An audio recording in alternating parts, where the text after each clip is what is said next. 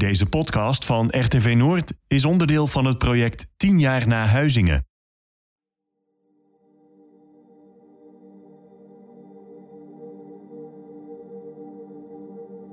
Doe je ogen eens dicht. Stel jezelf voor toen je jong was. Een kind, een puber misschien. Wat voor iemand was je toen? Wat voor spelletjes speelde je op het schoolplein? Welke lessen vond je leuk? Hield je van rekenen? Of van taal? Of van gymnastiek? En ben je samen wel eens met je klasgenoten onder de tafel gekropen? Aardbeving!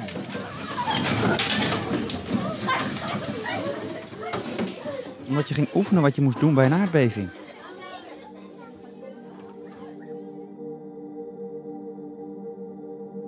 Dit is Verscheurde Jeugd, aflevering 1. Steeds verder weg.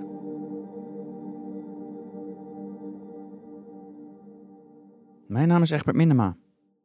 Veel kinderen die opgroeien in de provincie Groningen hebben iedere dag weer te maken met de gevolgen van de gaswinning. Zij leven iedere dag in huizen met scheuren in de muren. Ze kregen op school aardbevingslessen. En ze hebben ouders regelmatig gefrustreerd en emotioneel gezien omdat de problemen met hun kapotte huizen maar niet werd opgelost. En dat heeft impact.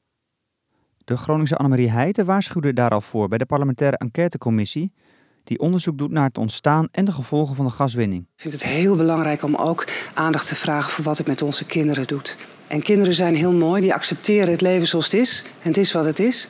Maar de boodschap die wij eh, aan, aan de jongere generaties al die tijd doorgeven, um, die is niet best. Zelf kan ik me alleen maar twee aardbevingen bewust herinneren. Eén daarvan was de beving van 3.6 in Huizingen, precies tien jaar geleden. Meer ervaring met de gevolgen van de gaswinning heb ik niet. Ik heb bovendien geen enkel idee hoe het is om op te groeien in het aardbevingsgebied. Daarom ben ik voor deze portretserie van RTV Noord in gesprek gegaan met jongeren tussen de 15 en 24 jaar. Op welke manier is hun leven getekend door de aardbevingen? De eerste met wie ik spreek is Eline de Vlines.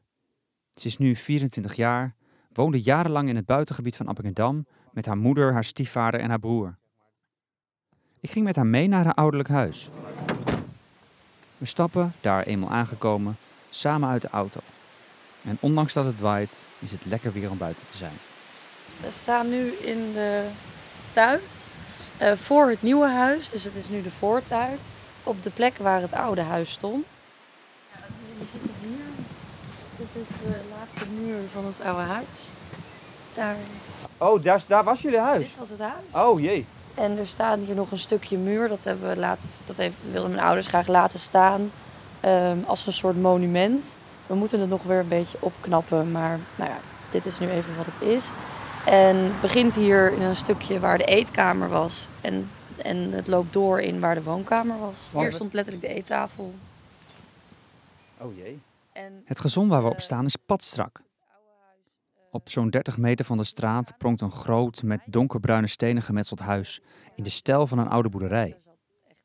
Maar het huis is slechts één jaar oud. Oh, wat, hoe, hoe, hoe, want hoe, wanneer is dit gesloopt? Dus wanneer wonen jullie niet meer in dit oude huis? September. Dit jaar? Ja. Oh ja. Dus het is ja. Heel, ja, precies. Ja, oké. Okay. Ja. Dit seizoen, zeg maar. ja. Oh joh.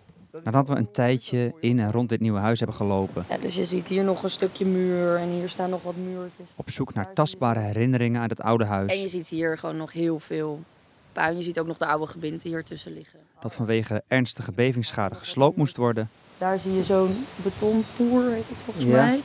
Dus waar het oude gebind op stond. Vertelt Eline over haar bevingservaringen. Maar ik heb nooit zoveel in mijn kamer gezeten. Ik zat altijd aan de keukentafel. Ja? ja. Waarom? Ja, gewoon prettiger, lekker gezelliger. Maar ook wel een moment aan de keukentafel gehad dat er dus bevingen kwamen en dat de boel begon te trillen en te schudden. Dat ik riep, bam, dat is een aardbeving. En toen zei ze, oh, ik had het niet gevoeld. Nou, en dan direct op Twitter, hashtag aardbeving. Ja hoor, er was weer een hele rits aan meldingen. Ja. Dat was gewoon best wel pittig, want je hoorde gewoon dingen kraken. En je, we, hadden, we hebben zo'n, of we hadden, ja, die komt volgens mij in het nieuwe huis al terug. Maar zo'n lamp, um, die, ja, die, die, die ging gewoon heen en weer. En um, andere bevingen weet ik vooral ook vanuit Groningen. Maar welke voor mij, denk ik, emotioneel het heftigst was, toen was ik op stage. En toen kreeg ik van RTV Noord een, een, een pushmelding, aardbeving van 3,6. En vlak daarvoor hadden we gehoord dat bij een aardbeving van 3,6 ons huis het niet zou houden. En toen is er natuurlijk wel gestut. Maar toen schrok ik heel erg. En toen heb ik ook direct mijn ouders gebeld in tranen van... Er was een beving van 3,6. Ze wisten het zelf nog niet eens. Ehm, en toen, toen schrok ik heel erg van shit, eh, ik moet nu bellen, want voor hetzelfde geld liggen ze nu onder het puin. Ja, dat is wel heel intens. Ja, dat was wel pittig. Hoe reageerden je ouders toen? Want die wisten al niet.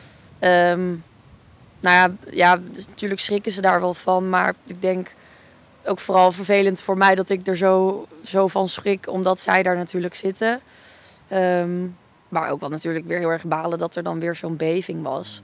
En direct natuurlijk direct uh, het huis bekijken. Uh, mijn stiefvader had op den duur ook op alle scheuren een soort meetplakkers geplakt. Dus eentje met een, een kruis erop en de ander was dan doorzichtig met een kruis erop. En die zaten precies op elkaar.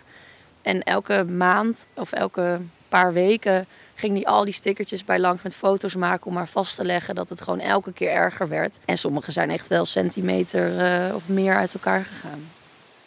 Ja. Maar denk je, maar als je zo in angst opbelt, dan kan me wel voorstellen dat dat nog wel eens terugkomt bij je. Nee, want ze zitten nu in een veilig huis. Want daar hebben ze ook wel heel erg voor gestreden. Want heel veel, voor zover ik weet, worden heel veel huizen uh, vooral zo verstevigd dat als er als de zware beving komt, dat ze er veilig uit kunnen, maar dat die alsnog eigenlijk uh, stuk is en dat er wat mee gedaan moet worden. Ja. En ze hebben wel gezegd van dat gaan we niet doen. Dus dit huis is echt aardbevingsbestendig. Dus er zitten ontiegelijk veel heipalen en, en ja. ijzerdraad en de muren zijn dik en noem het maar op. Ja. Dus ja. Kun je ook aan de buitenkant iets van zien? Ja, je kan zien aan, aan um, als je hier door een raam kijkt, dan zie je hoe dik, dik de muren zijn. Oh ja, ja inderdaad. Het is dus- een hele diepe uh, vensterbank eigenlijk. Ja, dus je hebt het raam, nou dan is dat denk ik 15 centimeter muur naar buiten en 20, 25 centimeter naar binnen of zo. Ja. Zullen we even naar binnen gaan, dan hebben we niet ja. te veel last van de wind. Ja, wat zien we hier? Ruimte. Een 9 meter hoog dak. Want volgens alle nieuwe bouwnormen uh, werd dit huis, moest het heel groot worden. Um, en ze wilden het heel graag open hebben. Want dat was ook het doel. Het oude huis had dus een schuur. En het doel was om daar ook de woonkamer in te bouwen. Om de hele achtergevel uit te halen, met glas te maken. En dat hebben ze eigenlijk nu hier een soort van nagebouwd. Um, wat ze wilden. Wat dat betreft heeft het ook nog best wel dus dezelfde indeling als het oude huis. Ja. We nemen plaats op een grote bank. Eline wil graag het verhoor van Annemarie Heijten voor de parlementaire enquêtecommissie gaswinning terugkijken. Jij, jij wilde zelf die van Heijten en van Suzanne Top, hè, had je het over? Ja, ik, ik, denk dat Heijten uh, het meeste aanraakt. Of, ja, zeg dat? ik snap het. Ja, die kennen het beste. Heijten woonde in Bedum en in Groningen is ze bekend om haar strijd tegen het onrecht van de gevolgen van de gaswinning en de aardbevingsproblematiek. Eline herkent veel uit het verhaal dat Heijten vertelt. Er zullen tijdens dit verhoor daarom allerlei herinneringen bovenkomen. Ik uh, open de vergadering van de parlementaire enquêtecommissie aardgaswinning Groningen.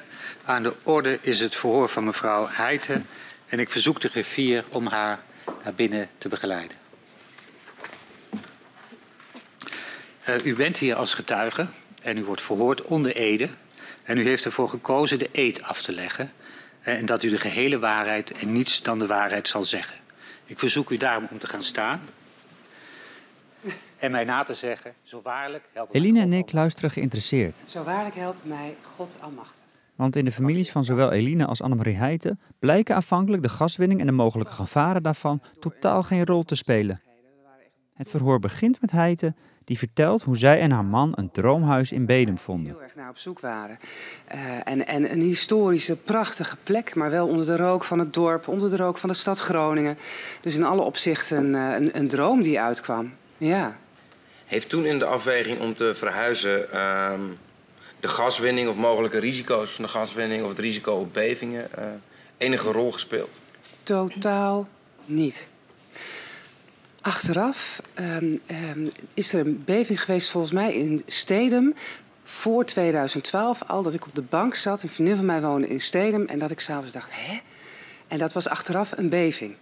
Maar wij deden daar, wij deden daar in ieder geval redelijk lacherig over. En Ja. het, het was totaal geen issue. Er was een bijschuur bij die in slechte staat was. Waarvan wij ook altijd direct hebben gezegd... komt niet door aardbevingen. En achteraf denk ik, nou, het was al heel lang aan de gang. Dus dat was misschien ook wel heel kort door de bocht. Het kwam niet door niet door aard... die beving. Precies, maar voor ons was dat toen de... Want de dit hadden wij ook. Dat was natuurlijk een oud huis. Ja. En er zaten al scheuren in. Maar mijn ouders hebben toen dus een eh, bouwkundig onderzoek laten doen voordat ze het kochten. Van hey, is dit wel een stevig huis? Nou, dat moest nog honderd jaar mee kunnen. En wat, wat er in, in, toen in drie jaar gebeurde, dat, dat had in honderd jaar moeten gebeuren, Ja. zeg maar. Vanaf wanneer eh, speelden in jullie gezin de aardbevingen en de gaswinning? een- wanneer begon dat eigenlijk? Ik denk, zeg maar echt eerst natuurlijk een beetje op een laag pitje. Dat dat een beetje inderdaad kwam na Huizingen. Ehm, dat mijn ouders eh, ook daarvoor een beetje zeiden van... ach, ehm, daar hebben we allemaal geen zin in. Eh, dat, het zal vast wel meevallen, we kijken er niet naar. En dat toen die beving was geweest... dat er toen echt wel eigenlijk bleek dat er met heel veel huizen wel wat aan de hand was. En toen zijn ze ook gaan kijken en toen zijn ze ook voor het eerst echt schade gaan melden. Dus toen begon de acht jaar lange sleur van tegenwerken eigenlijk. Ja, het begon natuurlijk met ehm, inspecties. Er zijn zoveel inspecteurs geweest. Maar dat, dat in het begin werd gezegd: oh ja, ja, dit is wel aardbevingsschade. En eh, ja, dit ook wel. Nou, dit weet ik niet zeker. Maar ja, daar komt wel een pittig rapport uit. Nou, dan krijg je het rapport en dan eh, heb je een keer drie scheuren die gerelateerd zijn aan aardbevingen. Nou ja, toen ehm, waren mijn ouders het daar natuurlijk ook niet mee eens. Of nou, hoe kan dat nou, zettingsschade, een huis van 100 jaar? Nee, dat is eigenlijk gewoon niet mogelijk. En toen hebben we een, of ze hebben toen een, noemen we dat nou? Contra-expertise laten uitvoeren. Ehm, door een partij dus die, ook, die de NAM ook had goedgekeurd daarvoor. Ja, en die kwamen vervolgens met een rapport waarin stond... eh, jullie eh, huis is eigenlijk gewoon totaal los. Er is eigenlijk geen beginnen meer aan. En toen was het direct zo van... eh, Oké, deze zegt je hebt drie scheuren... en de ander zegt eh, je kan er direct wel uit... want er is geen beginnen meer aan. Toen zijn er ook best wel snel stutten tegen de achtergevel geplaatst. Ehm, je zag in die muur ook echt wel in het midden een, een grote scheur zitten. En die scheur werd ook steeds groter. En je zag dat die muur een beetje naar achter begon te hellen. En dat zat eigenlijk vast. eh, Ik weet nog steeds niet precies hoe of waarom. Maar door de schuur liep een, een heel dikke ijzerdraad. En daar middenin zat een paaltje, wat je in het weiland wel hebt, ingedraaid. En het voelde een beetje alsof de achtergevel oprecht aan dat draadje hing. Zo van, als we nu dit ding doorknippen, dan stort volgens mij de boel in. Nou ja, wij gebruiken de voordeur eigenlijk nooit, eh, tenzij mensen daar aankloppen. Dus we gaan altijd via de achterdeur. Dus daar liepen we gewoon heel vaak per dag doorheen. En daarom heeft de dan waarschijnlijk ook gezegd van, nou, het is geen aardbevingsschade, maar we gaan het voor de zekerheid wel stutten. Toen hadden we op den duur ook een, eh, een, een, een nieuwe case manager, of hoe je dat dan wil noemen. En die ehm, kwam ook heel vaak langs en eh, met, ons, met ons dan praten. En ik zat er eigenlijk altijd bij, omdat ik het gewoon nieuwsgierig naar was. En eh, dat er dus gewoon dan iemand komt die, die moet een beetje het oplossen. En die komt daar al gewoon heel erg bevooroordeeld binnen. Ehm, die ons heel erg behandelt zo van ja, eh, weer zo'n geval die er geld uit wil halen. Of die eh, extra dingen wil in de versterking. Of schade wil claimen die helemaal niet aardbevingsgerelateerd is. Eh, wat gewoon echt niet het geval was. Want mijn ouders hebben altijd gezegd: ja, maar wij willen niet uit dit huis. Ik bedoel, we zijn niet voor niets in een oud huis gaan wonen. Niet zodat we vervolgens een nieuw huis kunnen krijgen. En dat heeft heel lang geduurd voordat die eh, eh, desbetreffende meneer dat begreep. We kijken verder naar het verhoor. Op een gegeven moment vertelt Annemarie Heijten namelijk een vergelijkbare ervaring van iemand die totaal niet lijkt te snappen in welke situatie de familie zit. zeg nu dat het het niet waard is. Ik hoef geen geld. Ik wil eigenlijk niets anders dan mijn boerderij van, in, in de staat waarin die was van voor de aardbevingen. Meer hoef ik niet. Dat is het enige wat ik wil. En wat hij nou wel of niet waard is, wat de marktwaarde van deze boerderij is, doet er helemaal niet toe. En omdat ik dat op een bepaalde toon zei, zei de Arcadis-persoon die erbij was: Nou, mevrouw, maar het begint nu wel echt een beetje persoonlijk te worden. En toen, ja, toen, toen, toen brak ik bijna. Omdat ik zei: Persoonlijk, maar dit is persoonlijk. Dit gaat over mijn leven. Ik moet morgen weer met mijn kinderen naar school. Ik, ik, ik, ik moet weer aan het werk. Ik merk dat dit iets met me doet. Door dit onrecht vind ik het zo nu en dan best moeilijk om mijn journalistieke zakelijkheid te bewaren. Zaken waar ik helemaal niet mee bezig wil. Dit is persoonlijk. Dit gaat over mijn leven. En wat was zijn reactie toen? Het was misschien wel het eerste moment dat ik me realiseerde dat al deze mensen in, zich in een ander universum bevinden. Hij, het, het, alsof het niet doordrong dat dit over mijn leven ging. Voor hem was het iets anders. Voor hem was het een soort rekenexercitie of... Ja, ik weet het eigenlijk niet. Ik vind het ook moeilijk om voor die persoon te praten. Maar het was wel duidelijk dat het niet tot hem doordrong wat het met mij deed. Maar dat heeft toch ook gewoon, denk ik dan, met voelsprieten te maken? Als je zo ziet reageren. Ja, maar dat, volgens mij is dat ook, dat zijn allemaal zakenmannen. Die hebben volgens mij sowieso niet altijd heel veel voelsprieten. En het zijn allemaal bouwkundigen. Dus dat is helemaal hun werk niet. Nee. Of dat, ik bedoel, er zijn genoeg mensen die hebben geen voelsprieten. Ook in het privéleven niet. Nou ja, dan heb je ook heel veel van die, van die vakmensen. Die zijn vast heel goed in wat ze verder doen. Maar op sociaal gebied... Uiteindelijk bleek de bevooroordeelde case manager van de ouders van Eline, al was het niet direct voelbaar, toch wel voelsprieten te hebben. Ehm, ja, dat was voor, voor mijn ouders vooral heel fijn. En dat kwam ook vanuit een punt dat mijn moeder gewoon echt eh, in, in huilen is uitgebarsten en bijna geschreeuwd heeft. Ja, maar snap het nou, ik wil geen nieuw huis. En toen hij dat daardoor echt door had, ja, toen was het eigenlijk heel prettig. Want toen ging hij ineens meedenken en, en in, in die zaken kijken wat, wat er dan gedaan kon worden. Ehm, maar dat was blijkbaar te veel. Want toen kregen we ineens geen contact meer met hem. En toen, eh, toen heeft hij dus stiekem een bericht gestuurd. Zo van, ja, ik mag geen contact meer met jullie hebben... want ik ben van de zaak gehaald en ik heb een uh, contactverbod gekregen. Dus degene die het eindelijk begreep en ons wilde helpen... die werd er weer uitgesodemiet. En dan moesten we met, een met de volgende doen. Wat deed dat met de sfeer in, bij jou of in jullie gezin? Ja, ik denk dat dat best wel voor een, een soort omslag heeft gezorgd. Waarbij je eerst denkt van hé, we gaan de goede kant op. En eigenlijk word je gewoon nog verder achteruit teruggeslagen. Van ja, dacht het even niet. Uh, er mag niks beters uitkomen of iets, iets goeds of iets fatsoenlijks. Um, dus ik weet ook wel, ik, ja, ik zie nog steeds wel hoe mijn... Nou, daar word ik ook wel emotioneel van. Hoe mijn ouders daar gewoon zwaar over stuur zitten. Met de hand letterlijk in het haar van hoe gaan we hier uitkomen?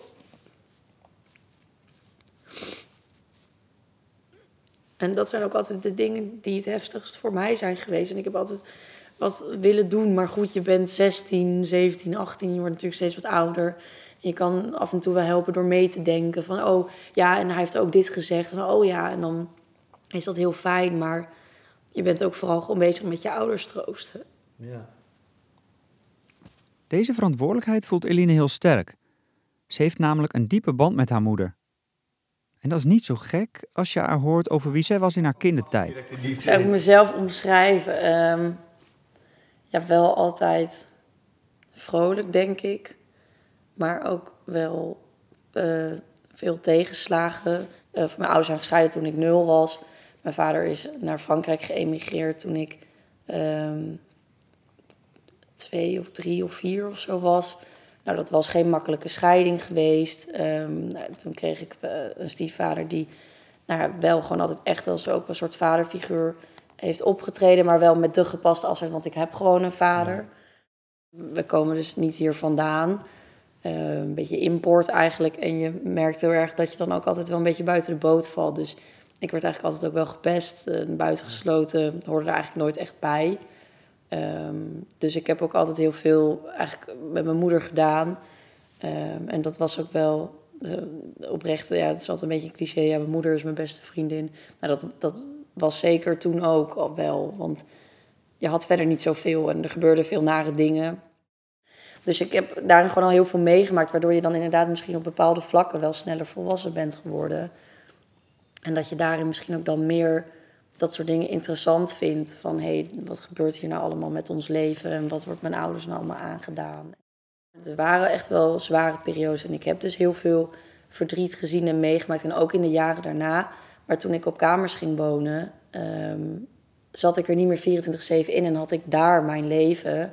En was dit onderdeel van mijn leven, maar niet, niet in die zin de kern. Omdat ik eigenlijk van maandag tot en met vrijdag gewoon op de opleiding was. En met mijn vriendinnen en uh, sporten en op de vereniging. En dat soort dingen allemaal. En als er dan gesprekken waren, dan belde ik ook wel met mijn ouders van... oh, is het gegaan? En uh, zijn er nog nieuwe dingen uitgekomen? Of als er weer inspecties waren. En in het weekend hoor je dan wel dingen. Um, dus wat dat betreft heeft het niet mijn leven beïnvloed in de zin van wat ik doe. Het heeft het wel heel erg beïnvloed in, in um, de emoties van mijn ouders... waar ik dus heel veel ook voor voelde en mee wilde helpen. Maar door het gedoe in de versterkingsoperatie wordt langzaam maar zeker de spanning in het gezin opgebouwd. Dat was ook wel de periode dat er ook wel veel nieuws was. Of dat er dan weer een, een artikel of uh, weer domme uitspraken van politici. En elke keer als ik dat dan zag, dan werd ik ook wel echt weer heel gefrustreerd. En dan deelde ik dat ook wel weer met mijn ouders. En dan moet je dit nou weer zien. En dan nou ja, komt van hen natuurlijk ook weer een mening. Dus wat dat betreft heb ik dat met mijn ouders. Ja, je ziet het minder, maar je bent er nog steeds wel heel erg betrokken bij. En um, het, het speelde op den duur zoveel en het had zoveel invloed. Dat als ik dan wel thuis was, het ook niet altijd meer echt gezellig was. Want daar was geen energie voor. En uh, en er moesten weer dit, uh, deze stukken moesten weer gelezen worden. En hier moest weer wat van gevonden worden. En hier moest weer een reactie. En dan weer deze mail. En dat deden ze natuurlijk in hun vrije tijd, want ze werken natuurlijk ook gewoon. Het werd natuurlijk steeds erger, dus dat gaat in een soort natuurlijk. Nou, het is niet een natuurlijk proces, maar het is wel een proces. Dus het was niet ineens van de een op de andere dag heel anders. Dat, dat bouwde zich langzaam op.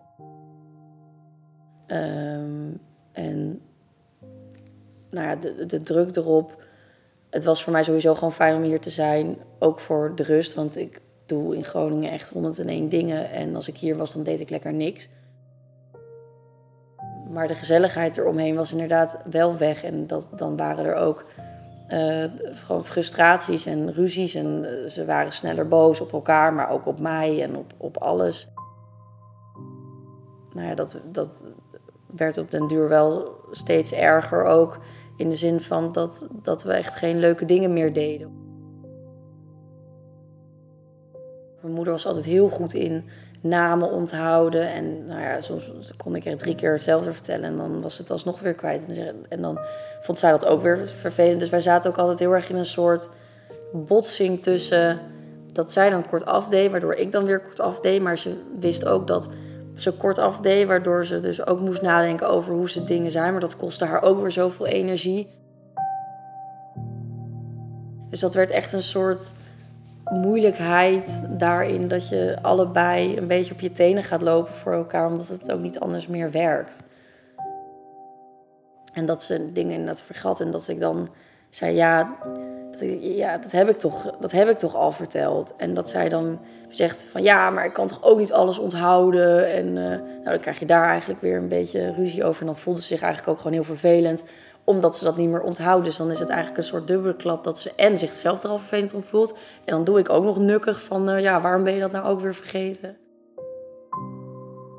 Het is echt een beetje een soort opeenstapeling dat ze dan ook echt wel eens huilend een soort van bijna eh, of heeft opgehangen met het verhaal van ja, maar ik heb hier gewoon oprecht geen, geen ruimte voor. Het, lukt me oprecht niet om hierop op te reageren en wat, wat zinnigs over te zeggen.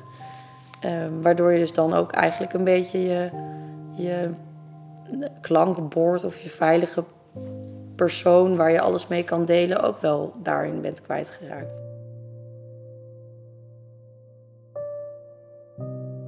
Ja, dat heeft eh, toch echt wel ook zijn ja, hoogtepunt is eigenlijk meer een dieptepunt gehad. Uh, in de zomer voordat de bouw begon. of nee, voordat de bouw klaar was, dus dat was afgelopen zomer, dat ik hier eigenlijk ook gewoon wel minder wilde zijn. Uh, omdat het altijd zo naar eigenlijk vaak ging. Of dat ik dan heel eventjes thuis was, want dan vakantie was het toen. En uh, ik mag vaak mijn moeders auto lenen als ik met vrienden op pad ga. Nou, dan kwam ik even hier tussendoor. En dan moest ik echt afstemmen precies welke trein ik kwam. En dan, ze heeft wel eens gezegd, oké, als je er bent, heb ik letterlijk vijf minuten voor. En je moet gewoon geen moeilijke vragen stellen, want ik kan er gewoon niet op antwoorden. En dat ik dan, dat, dat um, we erachter kwamen dat het achterlichtje stuk was van de auto. En ik heb nog nooit een achterlicht van de auto vervangen. Maar ik moest het zelf maar uitzoeken. Ik moest zelf maar een nieuw achterlampje gaan halen. En ik moest zelf maar het boekje doorbladeren om uit te vinden hoe het moest. Want dan kon ze er gewoon niet bij hebben.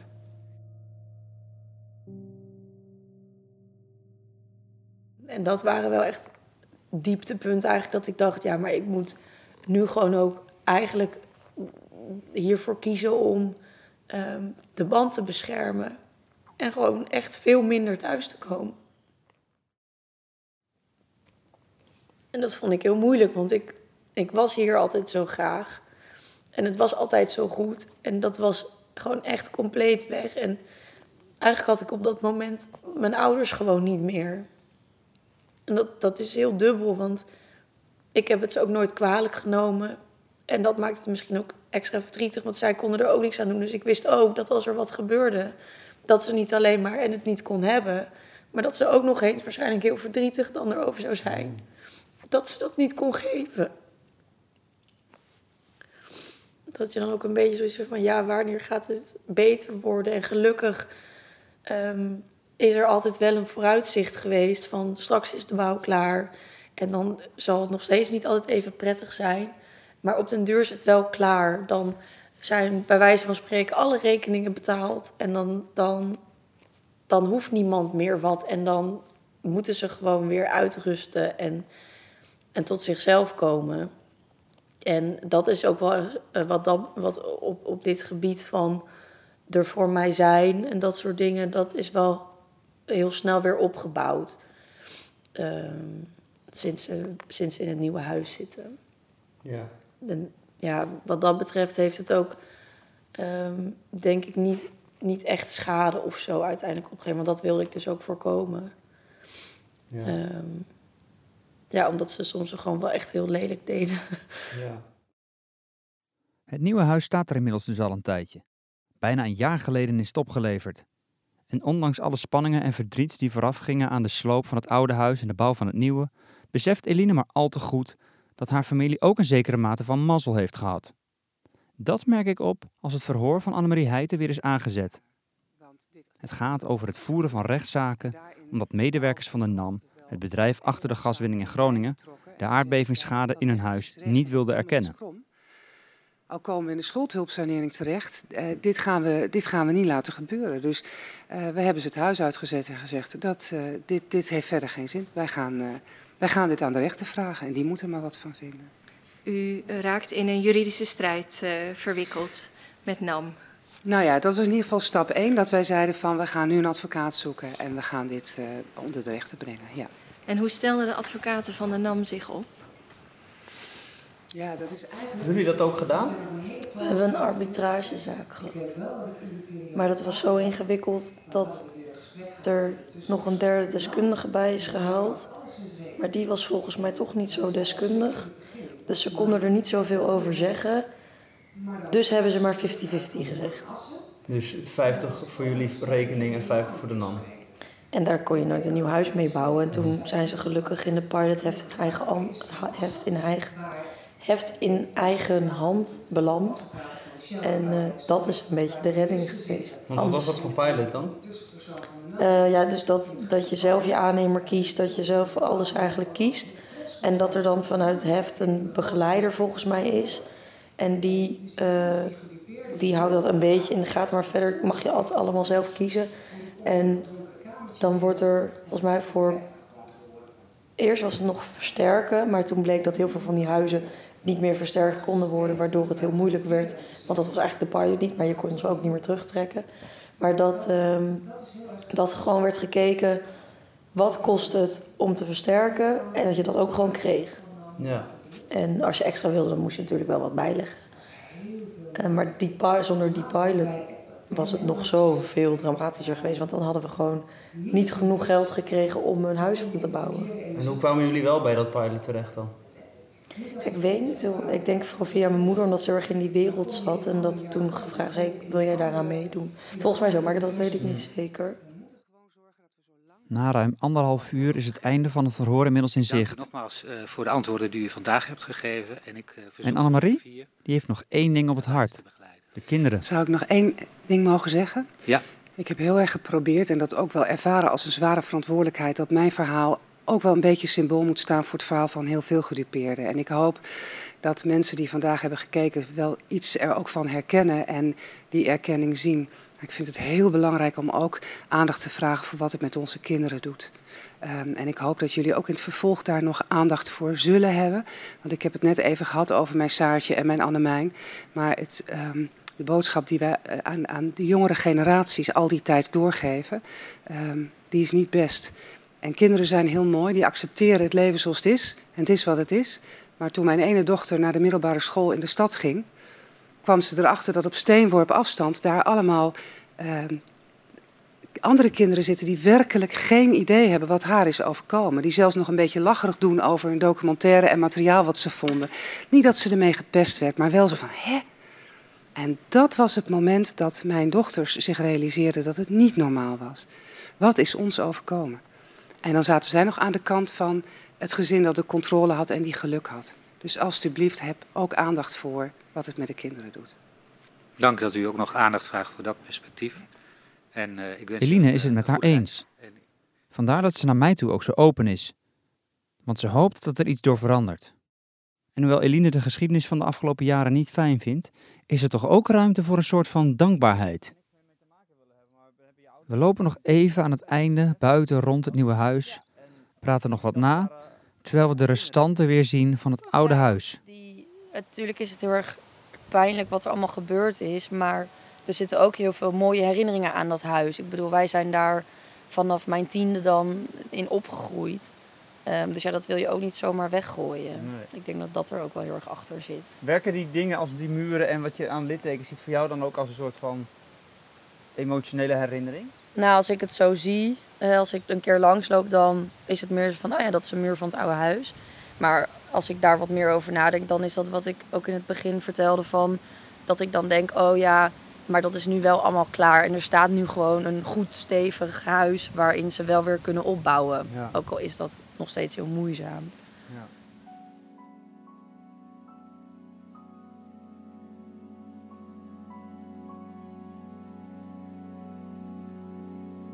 Dit was het eerste portret in de RTV Noord-serie Verscheurde Jeugd. Over Groningse jongeren die een groot deel van hun leven met aardbevingen en de schadelijke gevolgen van de gaswinning te maken hebben. In de volgende aflevering hoor je het verhaal van de 20-jarige Esmee uit Appingedam. Deze stapels met stenen dat een huis moet voorstellen, heeft geen waarde meer. Ik zou graag weer van alles willen genieten. Ik kan overal slapen daar waar ik wil, dus ik ben daar niet heel moeilijk in. Maar mijn nachtrust is sindsdien nooit meer hetzelfde geweest. We, we, we hebben echt nou, een, een, een acht, negen jaar echt van, van hun jeugd afgepakt. Abonneer je op deze serie via je podcast-app om op de hoogte te blijven van nieuwe afleveringen. En als je wil kun je ook een reactie achterlaten via je podcast-app of via e-minima.rtvnoord.nl. En deel deze verhalen met familie of vrienden. Want zo kunnen meer mensen deze indringende verhalen horen.